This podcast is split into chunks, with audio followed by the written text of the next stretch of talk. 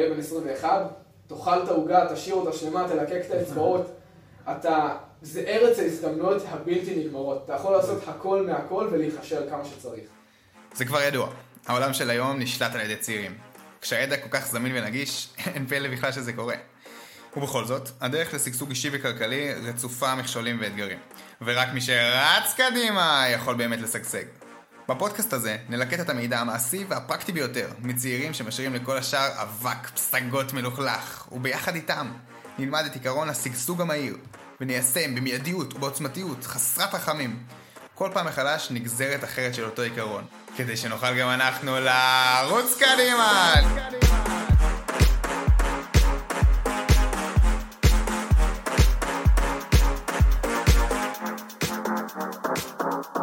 פודקאסט זה הוקלט בחסות בר מדיה, חברה לניצחון דיגיטלי.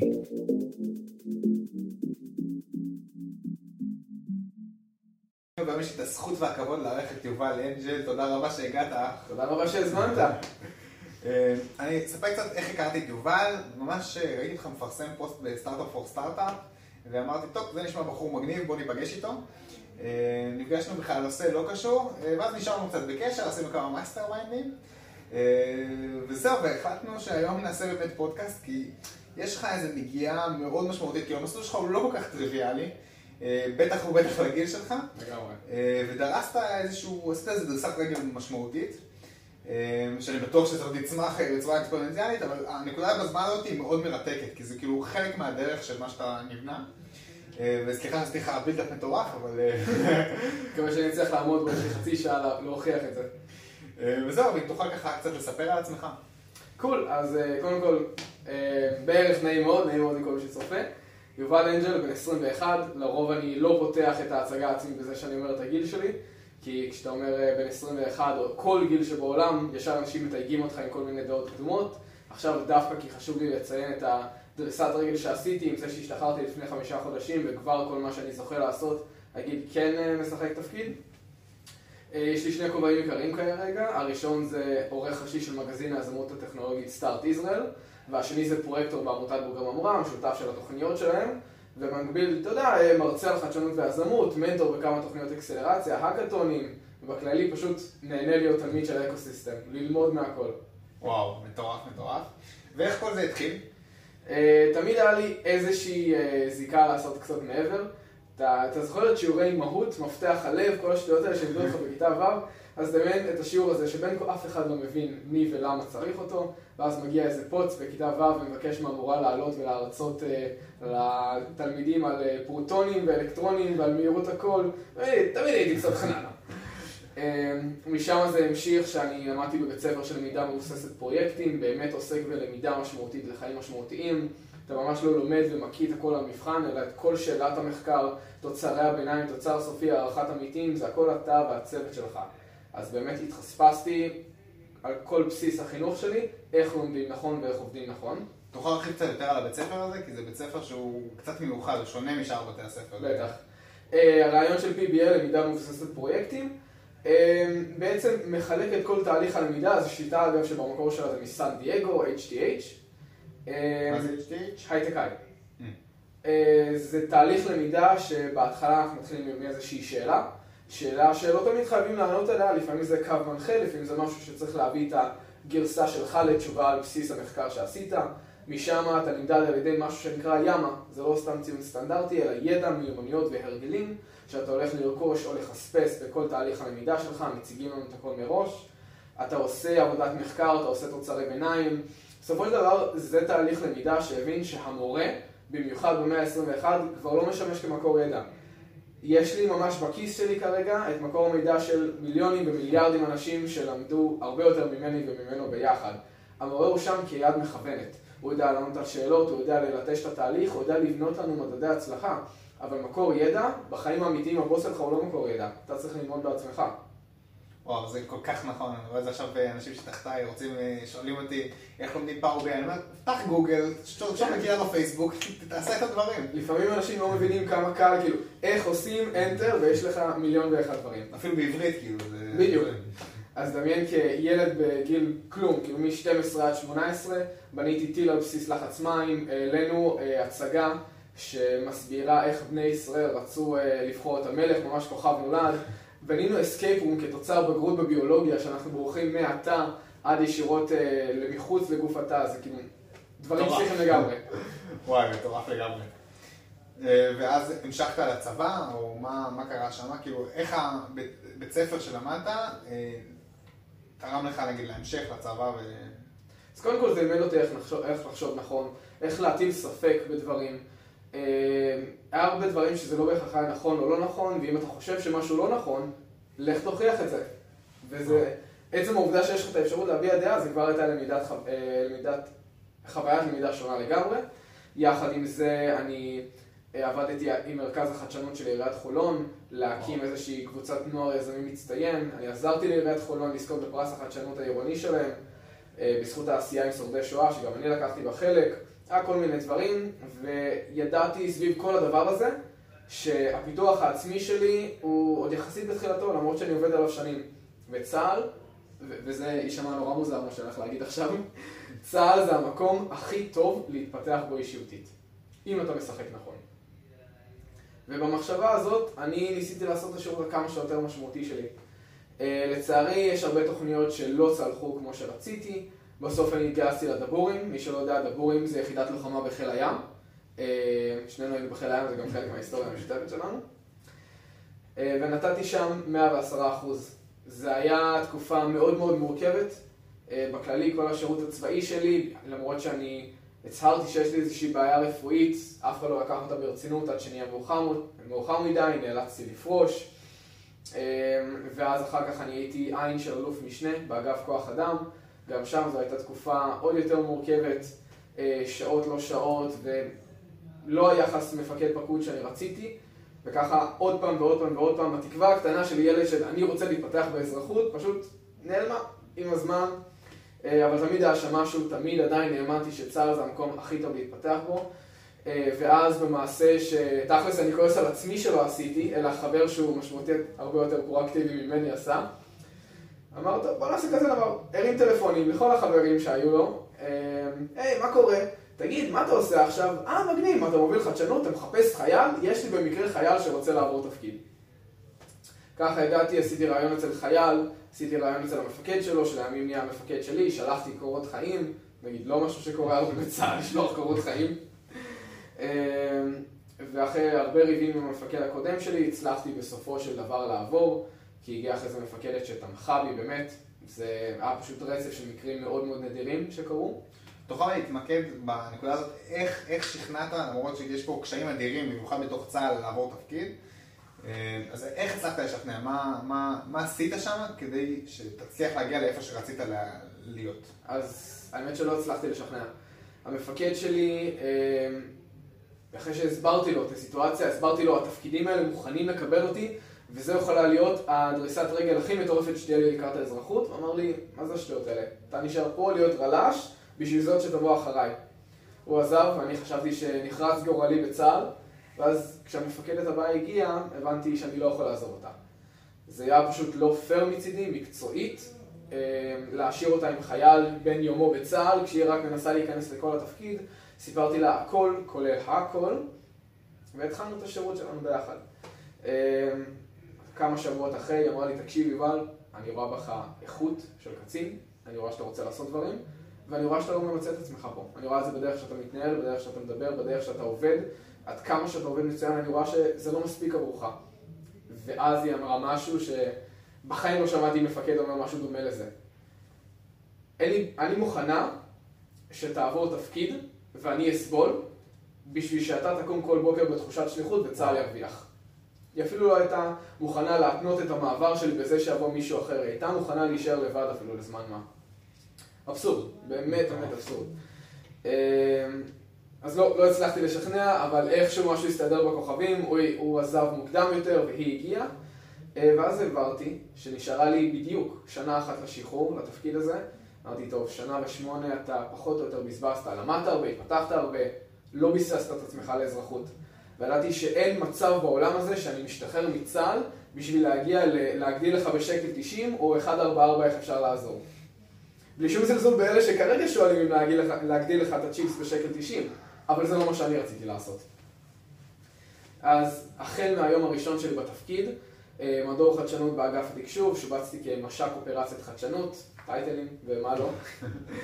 אה, החל מהיום הראשון שלי נשארתי עד שמונה תשע, ישבתי, פתחתי את כל המצגות שלהם, קראתי לעצמי, ביססתי את כל מה שהמפקד אמר שלי לכדי תוכנית עבודה ומשימות אישיות. אה, ועוד מהיום הראשון אמרו לי, יובל, שמונה בערב, תשע בערב, עשר, אחת עשרה, שתיים עשרה, לך הביתה. תמיד יש עבודה לעשות. ואת המשפט הזה אני מעולם לא הבנתי, אני אגיד לך את האמת. אה, תפסיק לעבוד כי תמיד יש עבודה. דווקא כי תמיד יש עבודה. זו סיבה להישאר ולהמשיך לעבוד. אה, אם כבר אתה רק תוכל ללטש ולייעל את הדרך שבה אתה עובד אם תמשיך לעבוד. אה, משם זו הייתה דרך מטורפת. לקדם תוכניות אקסלרציה, להוביל פודקאסט משל עצמי, לנהל קהילת חדשנות, להיפגש עם כל כך הרבה אנשים. לצופים שלא מבינים מה זה אקסלרטור, אתה יכול להסביר? בטח. כשאתה מגיע עם איזשהו רעיון, בין אם אתה בצה"ל ובין אם באזרחות, אה, מהרגע שאתה לוקח את הרעיון הזה, עד שאתה מעביר אותו תהליך של גיבוש והעמקה של הצורך, עד לכדי אב טיפוסים, ובסופו של דבר לתוצר מוגמר, זה יכול לקחת בין שבועות לחודשים לשנים, במקרה היותר ריאליסטי, והמון זמן בכסף ייפול. אז במקום לעשות את כל התהליך הזה, העברנו את המשהו שנקרא design sprint. זה תהליך מאוד מורכז בין חמישה ימים שאנחנו יושבים עם בעל הבעיה, נותנים איזושהי העמקה, חקר שוק, סקירה של הלקוח, משם אנחנו מוצאים את הפתרון הכי טוב, מעמיקים אותו, ועושים תהליך שנקרא ולידציית לקוחות בעזרת POC. משמע, אני חושב שאפשר לעשות מכונת זמן, אבל אני כנראה לא אוכל ליצור מכונת זמן, אז אני אצור את הדבר הכי הכי הכי מינורי, שרק יכול להוכיח כעיקרון, זה אפשרי. ומשם אני אלך ללקוח שלי ואעשה מולו תהליך ולידציה, זאת אומרת, ולד, אתקף את ההשערות שלי למולו. ככה אני חושב שמכונת הזמן יכולה להיראות. בוא ספר לי רגע, מה הצרכים שלך? היית קונה בזה, את זה? היית משתמש בזה? מייעל את כל העניין הזה, בטח ובטח בצה"ל, שלפעמים תהליך אה, שבא לייעל דברים על פני שנים יכול לקחת קצת יותר זמן כבירוקרטיה, אז להיות במרכז של דברים כאלה, ולהעביר יזמים צה"ליים משלב הרעיון הכי בסיסי עד לכדי הטמעה ממש אצל דורש מבצעי, זה המרגש. זה הכי זה המרגש. גם אני ארחיב POC זה proof of concept, זה באמת ההוכחת התכנות, זה מה שאמרת. אה, וזה דבר מטורף, כי בסוף אקסלרטור כשמו כן הוא זה אה, להאיץ. או accelerate. והנקודה פה זה באמת איך, איך אתה מחבר בין המטה שמתכנן ודורש לבין הגוף הטכני, או שהגוף הטכני שמבצע ובין הלקוח. באמת יש מתודולוגיות סדורות, שזה בעצם מה שאתה עשית, העברת את היזמים מתודולוגיות, אם אנחנו מסבירים מה זה כן, אקסלרטור. לגמרי. אה, יש פה איזה case study מעניין של אה, משהו שהצלחתם להנביט אותו מרעיון למציאות על ידי אקסלרטור? אה, בוא ננסה להישאר בלמסיים. אה, אני אקח לך את הרעיון הכי הכי בסיסי שאני יכול לחשוב עליו. לא בסיסי, כן, אבל בלמסי, בוא נציין את זה ככה. אה, בסיסים כיום לא מתנהלים בצורה חכמה. כל מקום שיש בו אה, צרכים בנייר, פקלונים, כל מקום שהוא לא דיגיטלי, לכל אורך צה"ל זה פשוט לא יעיל. אתה כחייל פשוט צריך לבוא, לעמוד בתור, אין לך אפשרות לקבוע שום דבר, כמעט עבור שום דבר.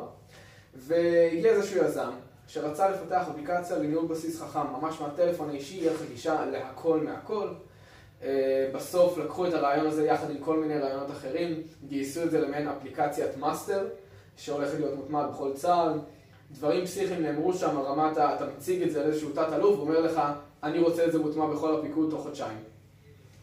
מטורף. אתה רואה בעיניים של אנשים מהדרך, מהדרג הכי זוטר עד הדרג הכי בכיר, איך הם רק מחכים שמשהו כזה יקרה. וברגע שכן, נותנים לך את תנועת דחיפה. וואו, לא ידעתי שבסיס חכם אה, נוצר אצלכם, זה ממש ממש מטורף. אני שמעתי שזו אפליקציה שעושה שינויים מטורפים, מיכולת אה, לדעת לנתח איזה תקלות מזמינים, ולפי זה לדעת איזה קבלן אתה צריך, עד ל... זהו, זה עבר כל מיני שינוי- שינויים ושילובים מאפליקציות אחרות. עוד דברים, זה היה חיישן סנסור קטן שמתלבש על כלי רכב מסווגים, ואז יכול אה, ממש להקשיב למנוע ולברגים, ולדעת מה לא בסדר שם. אז ומה היה לפני זה? אה, מישהו הגיע עם איזשהו רעיון וסיפורים אורבניים שנגדים שנמצאים מספיק זמן ביחידה יכולים להקשיב למנוע ולשמוע מה לא בסדר. הוא נפץ לגמרי. ואז הגיע איזה אחד, אמר, רגע, אם בן אדם יכול לעשות את זה, למה מכונה לא יכולה לעשות את זה? עוד שילוב אחר שעשינו אה, היה מיטאפ שיצרנו בשביל לעשות את אותם חיבורים לא פורמליים. היה מישהו שאמר, יש לי המון דאטה על לוחמים שנפצעים, ואין לי מה לעשות איתו. אין לי דרך להשתמש בו בשביל למנוע עוד פציעות. מישהו אחר הגיע ואמר, יש לי את המסוגלות AI להצליב את כל הדאטה הזה, ולייצר איזושהי תוכנית הכשרה שיכולה לחזות מראש פציעות של לוחמים. וואו. מהשיחות האלה. כן. זה, זה הכי, זה כמו שאני ואתה עכשיו נדבר, ואה, יש לי רעיון, איזה קטע, יש לי יכולת לבצע אותו, ובום. זהו, זה, זה מטורף, זה בעצם החדשנות, לעשות גם אינטגרציות וליצור את אה, אינטגרציות זה לחבר בין אנשים וליצור פשוט יש מאין את הדברים, לעזור ליזם לבצע אותם, זה לגמרי זה. מטורף. אה, וזה מה שהתמקדת בתוך הצבא, וכשאמרת על עצמך, אני שנה עכשיו הולך לטרוף ונשאר עד שמונה תשע, כן. מה למדת, מה מה היה הדברים שלמדת כדי לעזור ליזמים לעשות דבר כזה? אה, מה הדברים שאני למדתי בשביל לעזור לפתח את היזמים? כן. קודם כל, זה היה הרבה מאוד למידה עצמית. רגע לפני שאני בכלל פותח את הפה ומנסה להסביר למישהו, אה, קראתי המון, למדתי המון, התייעצתי. אני תמיד מאוד מאמין בלהקיף את עצמך באנשים שחכמים יותר ממך. אה, לא תמיד הבנתי שאני עושה את זה, אבל עוד ממש כילד אני דאגתי תמיד לעשות את זה, באנשים מנקודות מפתח, בין אם זה מורים, בין אם זה מנטורים שהיו לי לאורך הדרך, דאגתי להשאיר תמיד לצידי בשיחות קפה, יודע, לעיתים תכופות. ואתה לומד ואתה מתחספס, ואתה גם לומד מהניסיון של עצמך. אה, ברגע שאתה יודע מה הערך של ללמוד כמה שיותר, על כמה שיותר, אתה תופתע איזה עולמות חדשים אה, אתה הולך לגלות. וואו. בעיניי אני ממש ניסיתי לייצר סינרגיה של ידע, גם עכשיו אחרי שהשתחררתי ניסיתי לייצר סינרגיה של ידע בין מקומות העבודה שלי, תוך ידיעה שכל אחד, שאני, כל דבר אחד שאני עושה יכול לשרת את הארבעה הנותרים, וחוזר חלילה. זה מטורף, גם בדרך כלל אנשים מסתובבים בעולם בתחושה שהם יודעים את מה שהם לא יודעים. זאת אומרת, אם אנחנו מחלקים את זה, אתה יודע את מה שאתה יודע, יש משהו שאתה לא יודע שאתה יודע, יש, ויש משהו שאתה לא יודע שאתה לא יודע. נכון, זה הכי מסוכן. נכון. ועכשיו, הקטע שרוב האנשים בעולם מסתובבים כאילו הם יודעים את החלק הזה שהם לא יודעים שהם לא יודעים. אה, וזה לא ככה. אבל הרצון הזה כל הזמן ללמוד ולדעת עוד, הוא משאיר אותך באיזשהו בין צניעות מסוימת לבין עוד ידע ועוד ידע שנצבר לכדי תוצאות אה, פרקטיות בשטח, שאתה לא יודע בכלל איך דבר יעזור לדבר השני. כן, אתה כל הזמן מוצא את עצמך, בין אם זה על איזושהי תגובה שמישהו כתב בפוסט, ובין אם במחקר מעמיק, אתה כל הזמן מגלה כמה אתה לא יודע. זה אבסורד לפעמים כמה אתה לא יודע.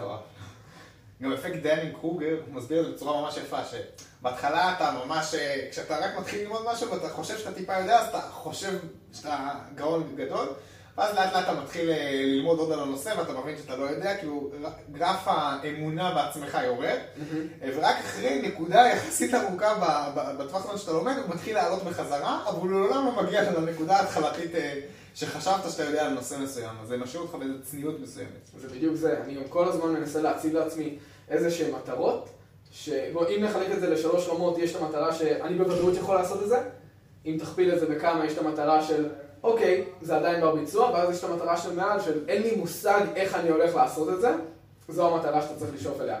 כי גם אם אתה תיכשל, אתה תגיע משמעותית גבוה יותר ממה שהיית מגיע בשתי המטרות האחרות. וואו, נקודה חשובה. כן. אני אקח את זה לעצמי.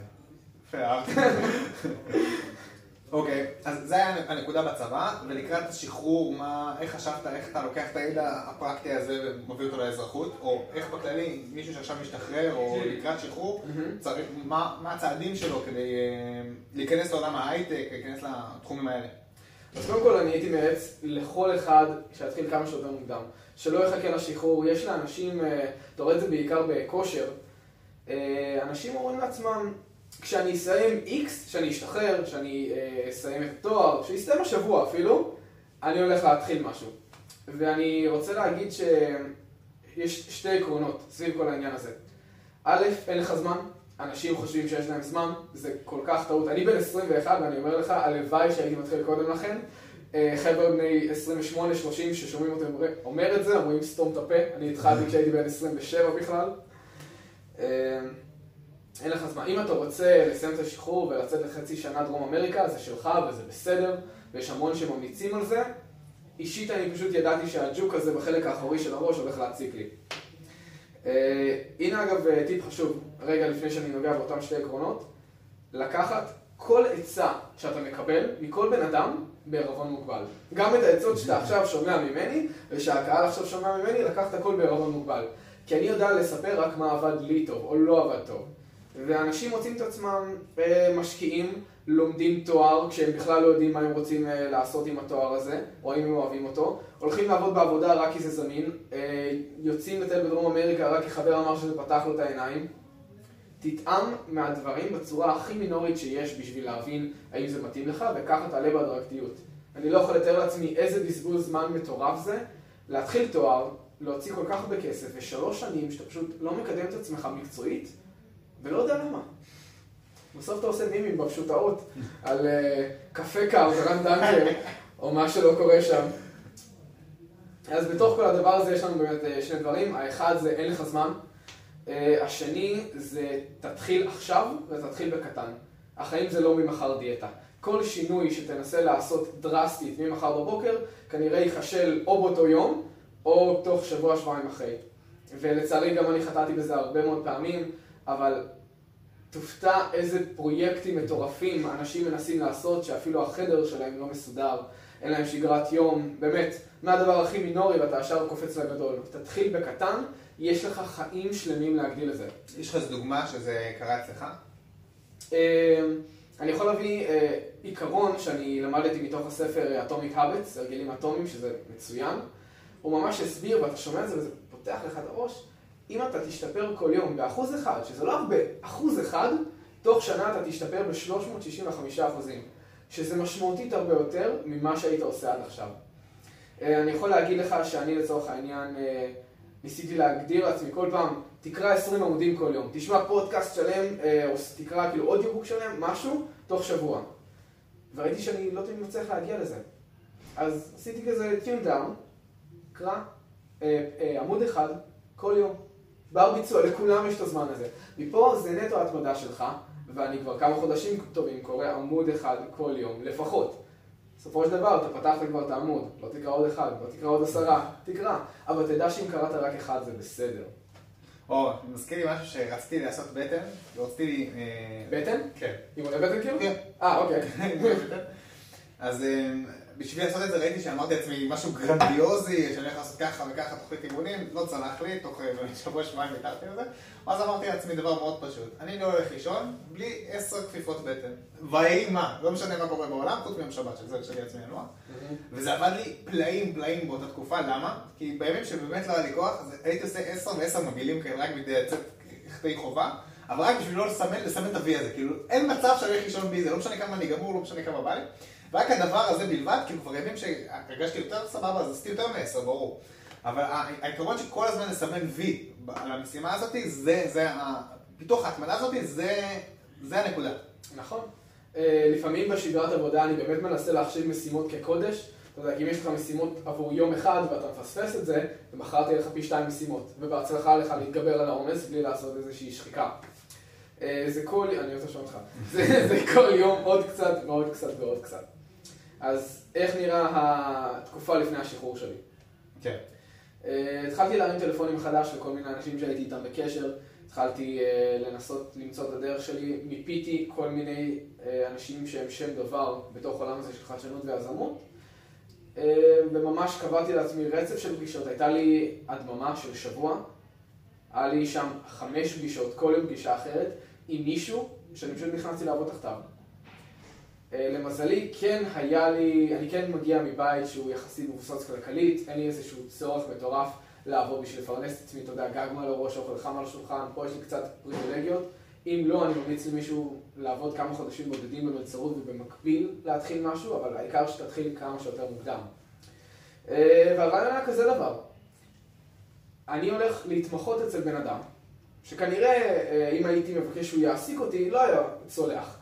אבל כוח עבודה עם רעל בעיניים בחינם, מי, יגיד לזה לא? אף אחד לא יגיד לזה לא. דפוק לו על הדלת, תשאל מתחת למשרד מה שצריך, אבל תיכנס תחת אותם האנשים שאתה רוצה ללמוד מהם. בסופ... בסופו של דבר, מיום אחד בשבוע להתנדבות, כל האנשים שהייתי איתם כל כך התרשמו ממני שהם רצו אותי למשרה מלאה בתשלום. היה לי אה, מקום שאני עשיתי בו יום אחד בשבוע. היום הזה לאט לאט הפך להיות uh, כסף. משם הם כבר הטיסו אותי לברצלונה לייצג סטארט-אפים בשמם בתערוכה בינלאומית לערים חכמות. אני, אה, קהילת סטארט-אפים שאני הייתי אחד מחברי הצוות שלה, אה, לאט לאט אני הפכתי להיות עם אה, פרויקטורים של כל מיני דברים שם. וגם עשייה שהייתה לי במגזין הזמות שאני עכשיו בו, התחיל כיומיים בשבוע, עכשיו זה כבר משרה מלאה, עם תוכנית עבודה וחלומות באמת כל כך פורים, אני רק מחכה שיגיע התאריך שהצבתי לעצמי, כדי שאני אוכל להתחיל לעבוד עליהם. וואו. אז אם, אם אתה ממפה אחורה, מה, מה הם השלבים שעברת בכדי, בכדי להגיע לנקודות שאתה רוצה להיות בהן? תנסה רגע לחשוב במה אתה טוב. מה אתה טוב, וזה לא תמיד קל לדעת, כן? יש אנשים שעדיין לא הצליחו לגמרי ל- ללטש או למצוא את עצמם בכדי ההבנה של מה אני לא גרוע. תנסה לחשוב מה אתה אוהב לעשות. רגע אחד לפני שאתה מתעסק בתשוקה שלך, כן? אני הייתי מאוד מאוד מאוד נזהר עם לשאול שאלות גדולות. כי ברגע שאתה לא יודע תשובה לשאלה גדולה, מה אתה עושה? אתה פשוט נעצר, אתה, אתה סטטי, ואתה ממשיך את החיים שלך באיזושהי תקווה שהתשובה תיפול.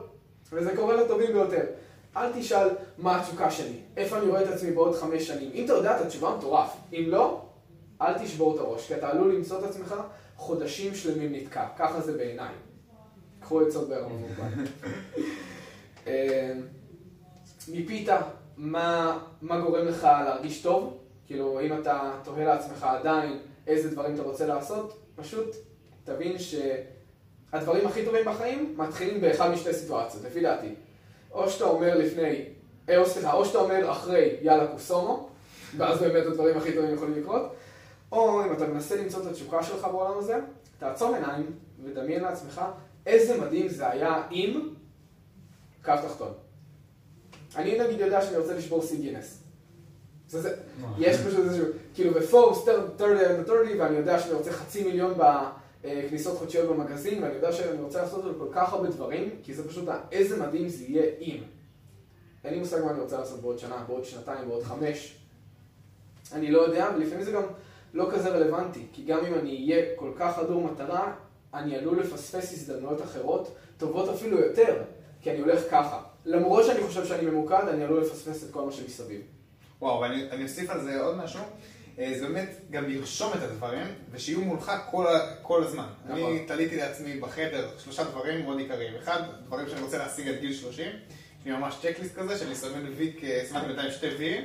אחד על פודקאסט, ועוד משהו יותר אישי שאני לא אפרט.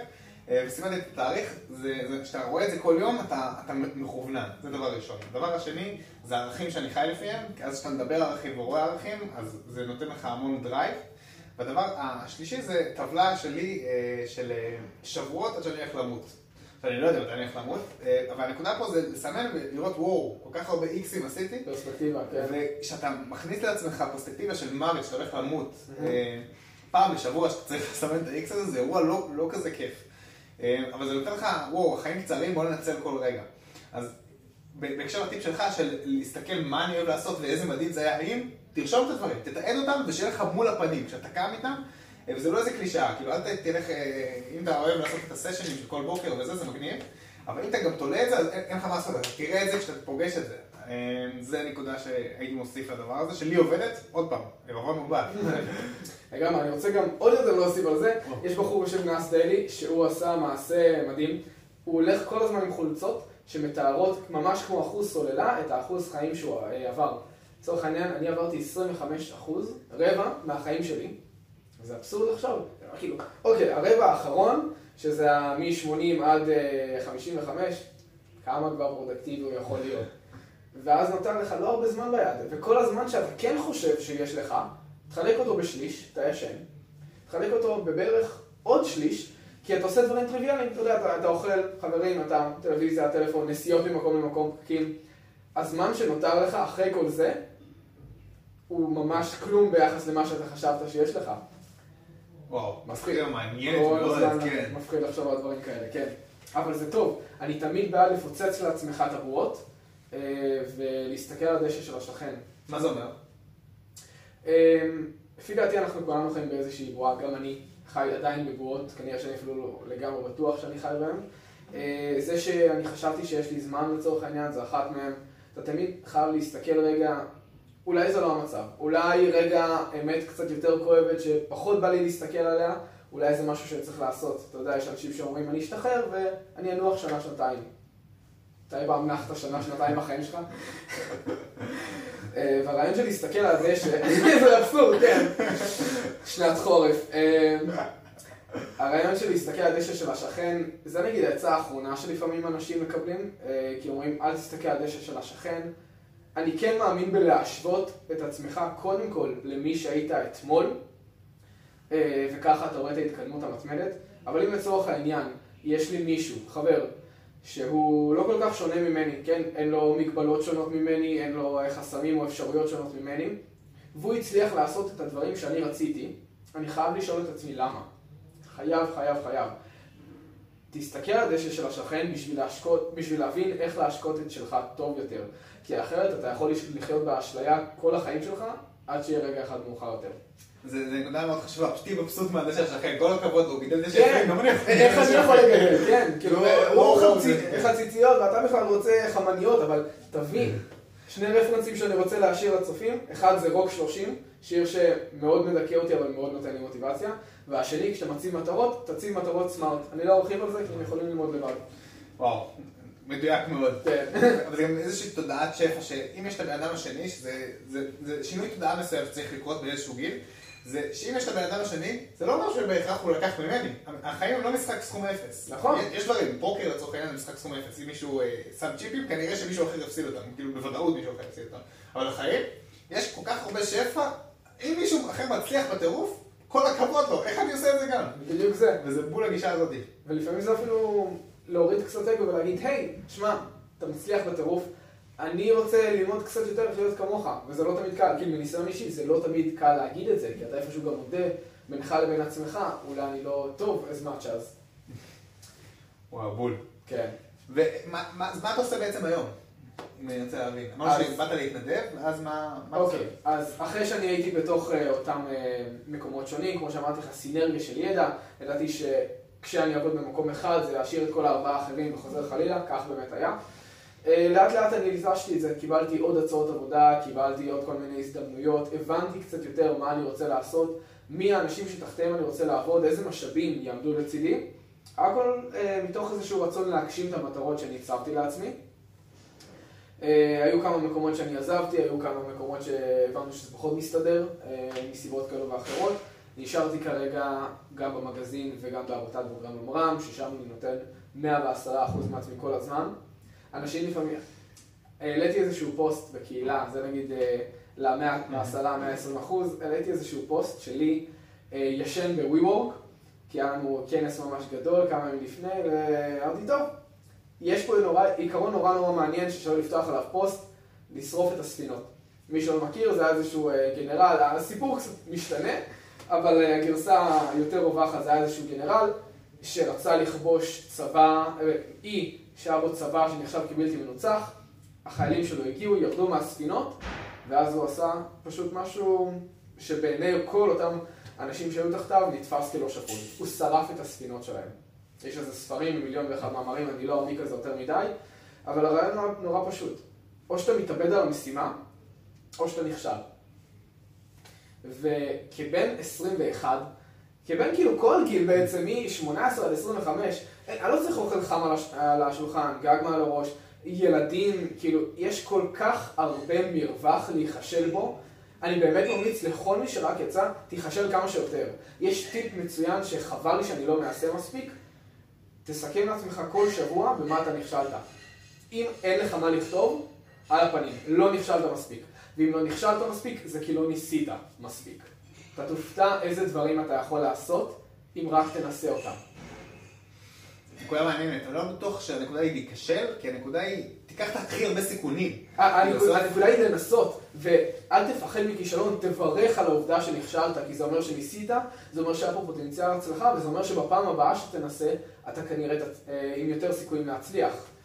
אה, וכשאני ממש אה, צילמתי איך אני פורס את השמיכה, WeWork וזה, וישן שם, אנשים תפסו משהו שאני הייתי בשוק לגביו. אבל תקשיב, אתה הולך אה, לאבד את כאילו כל החברים שלך, אתה הולך לגרור את עצמך לתוך איזושהי שחיקה מטורפת. אישית, אני חושב שהם פשוט היו כולם מבוגרים מדי. אתה יודע, משפחה וילדים ובית לפרנס, זה ממש לא הדיבור, ממש לא לישון במשרד. אבל כילד בן 21, תאכל את העוגה, תשאיר אותה שלמה, תלקק את האצבעות. אתה, זה ארץ ההזדמנויות הבלתי נגמרות. אתה יכול לעשות הכל מהכל ולהיכשל כמה שצריך. וואו, בול. ככה לסיום הפרק, בואו נסכם קצת מה דיברנו ומה היו הנושאים העיקריים. אה, אז הדבר הראשון שדיברנו עליו זה באמת איך התחלת את כל העולם של ההתפתחות האישית, שזה התחיל בכלל בבית ספר המטורף של High Tech High. High Tech High. High Tech High. אה, ואז אה, להשתמש בצבא, לאו דווקא בתפקיד שאתה רוצה, מכל מיני סיבות רפואיות. אה, ואז מפה להגיע למצב שאתה הולך לכן מה שאתה רוצה, שהיה פה גם עניין של מזל מצד אחד, וגם מצד שני, זה לא שביצעת את התפקיד שלך בצורה גרועה, ביצעת את המקסימום שלך, וכשרואים שמישהו מבצע את המקסימום, דברים טובים יקרו. בתקווה. שזה- כן, אבל- נכון, אבל- היה פה גם עניין של מזל. כן, אבל אה, לא משנה איפה אתה נמצא, גם אם אתה לוחם, תדאג תמיד להיות זה שרץ הכי, חז... אה, הכי מהר, צועק הכי חזק, קופץ הכי גבוה, אתה ללש, תתייק את המסמכים בצורה הכי טובה, שמור על סדר וארגון, תהיה יד ימינו של המפקד שלך, באמת, כאילו, כל אתה לא מגיע לאיזושהי תקרת בטון שאתה אומר, טוב, מפה כבר אי אפשר, אל תתייאש. סיכום, כן. וואו, בול. ואיזה עקרונות אתה חושב שהכי חשוב שניקח מהפרק הזה? אמ, א', שמשמעת זה החבר הכי טוב שלך, בהצלחה לך עם אה, מוטיבציה. למרות שזה חשוב, כן? אם אתה שואל אותי, זה מעין איזשהו משולש, שיש לך אה, מוטיבציה, הרגלים, ולמעלה יש לך משמעת. אה, שבסופו של דבר זה מה שמחזיק אותך יום אחרי יום. אני לדוגמה דואג אה, לצאת לאימונים גם בימים הכי חמים והכי קרים של השנה, כי זה נותן לי פרספקטיבה. כי היום של אחר כך יהיה לא כל כך גרוע ביחס ל... אה, אני חושב שאתה צריך ללמוד כל הזמן, אני חושב שאסור לך לפחד להיכשל, אני חושב שאתה צריך להציב לעצמך מטרות בלתי אפשריות, תוך ידיעה שזה הולך לפתוח לך את הראש, אתה תהיה חייב לחשוב בצורה אחרת בשביל להשיג אותם, ואם תיכשל, אתה תיכשל טוב יותר ממה שהיית יכול אחרת. תעבוד, אל תפסיק לעבוד עד שהעבודה נגמרת, יש כל כך הרבה עבודה ויש שנים קדימה מולך, תנצל כל רגע מהם. תחשוב שלי ולך ולביל גייטס ולכל אותם חבר'ה יש בדיוק את אותם 24 שעות ביממה. אה, אני כל הזמן חוזר לאיזשהו אה, פוסט באינסטגרם שראיתי, שרפת עכשיו 10 דקות בטלפון, אז אה, ביל גייטס בדיוק יכל לקנות לעצמו שלושה למבורגיני בעשר דקות האלה. פרספקטיבה מטורפת. מטורף לגמרי. וואי, יובל, היה ממש כיף איתך. גם לי. אה, ואני מקווה שהבאת פה ערך רב למאזינים. אה, ומי שקיבל פה ערך וחושב שנתן משהו, אני אשמח ממש לשתף את זה אפילו לחבר חברה אחת, אה, כדי שנוכל להגדיל את הקהילה וכל הדברים האלה. יובל, ממש תודה לך. בשמחה.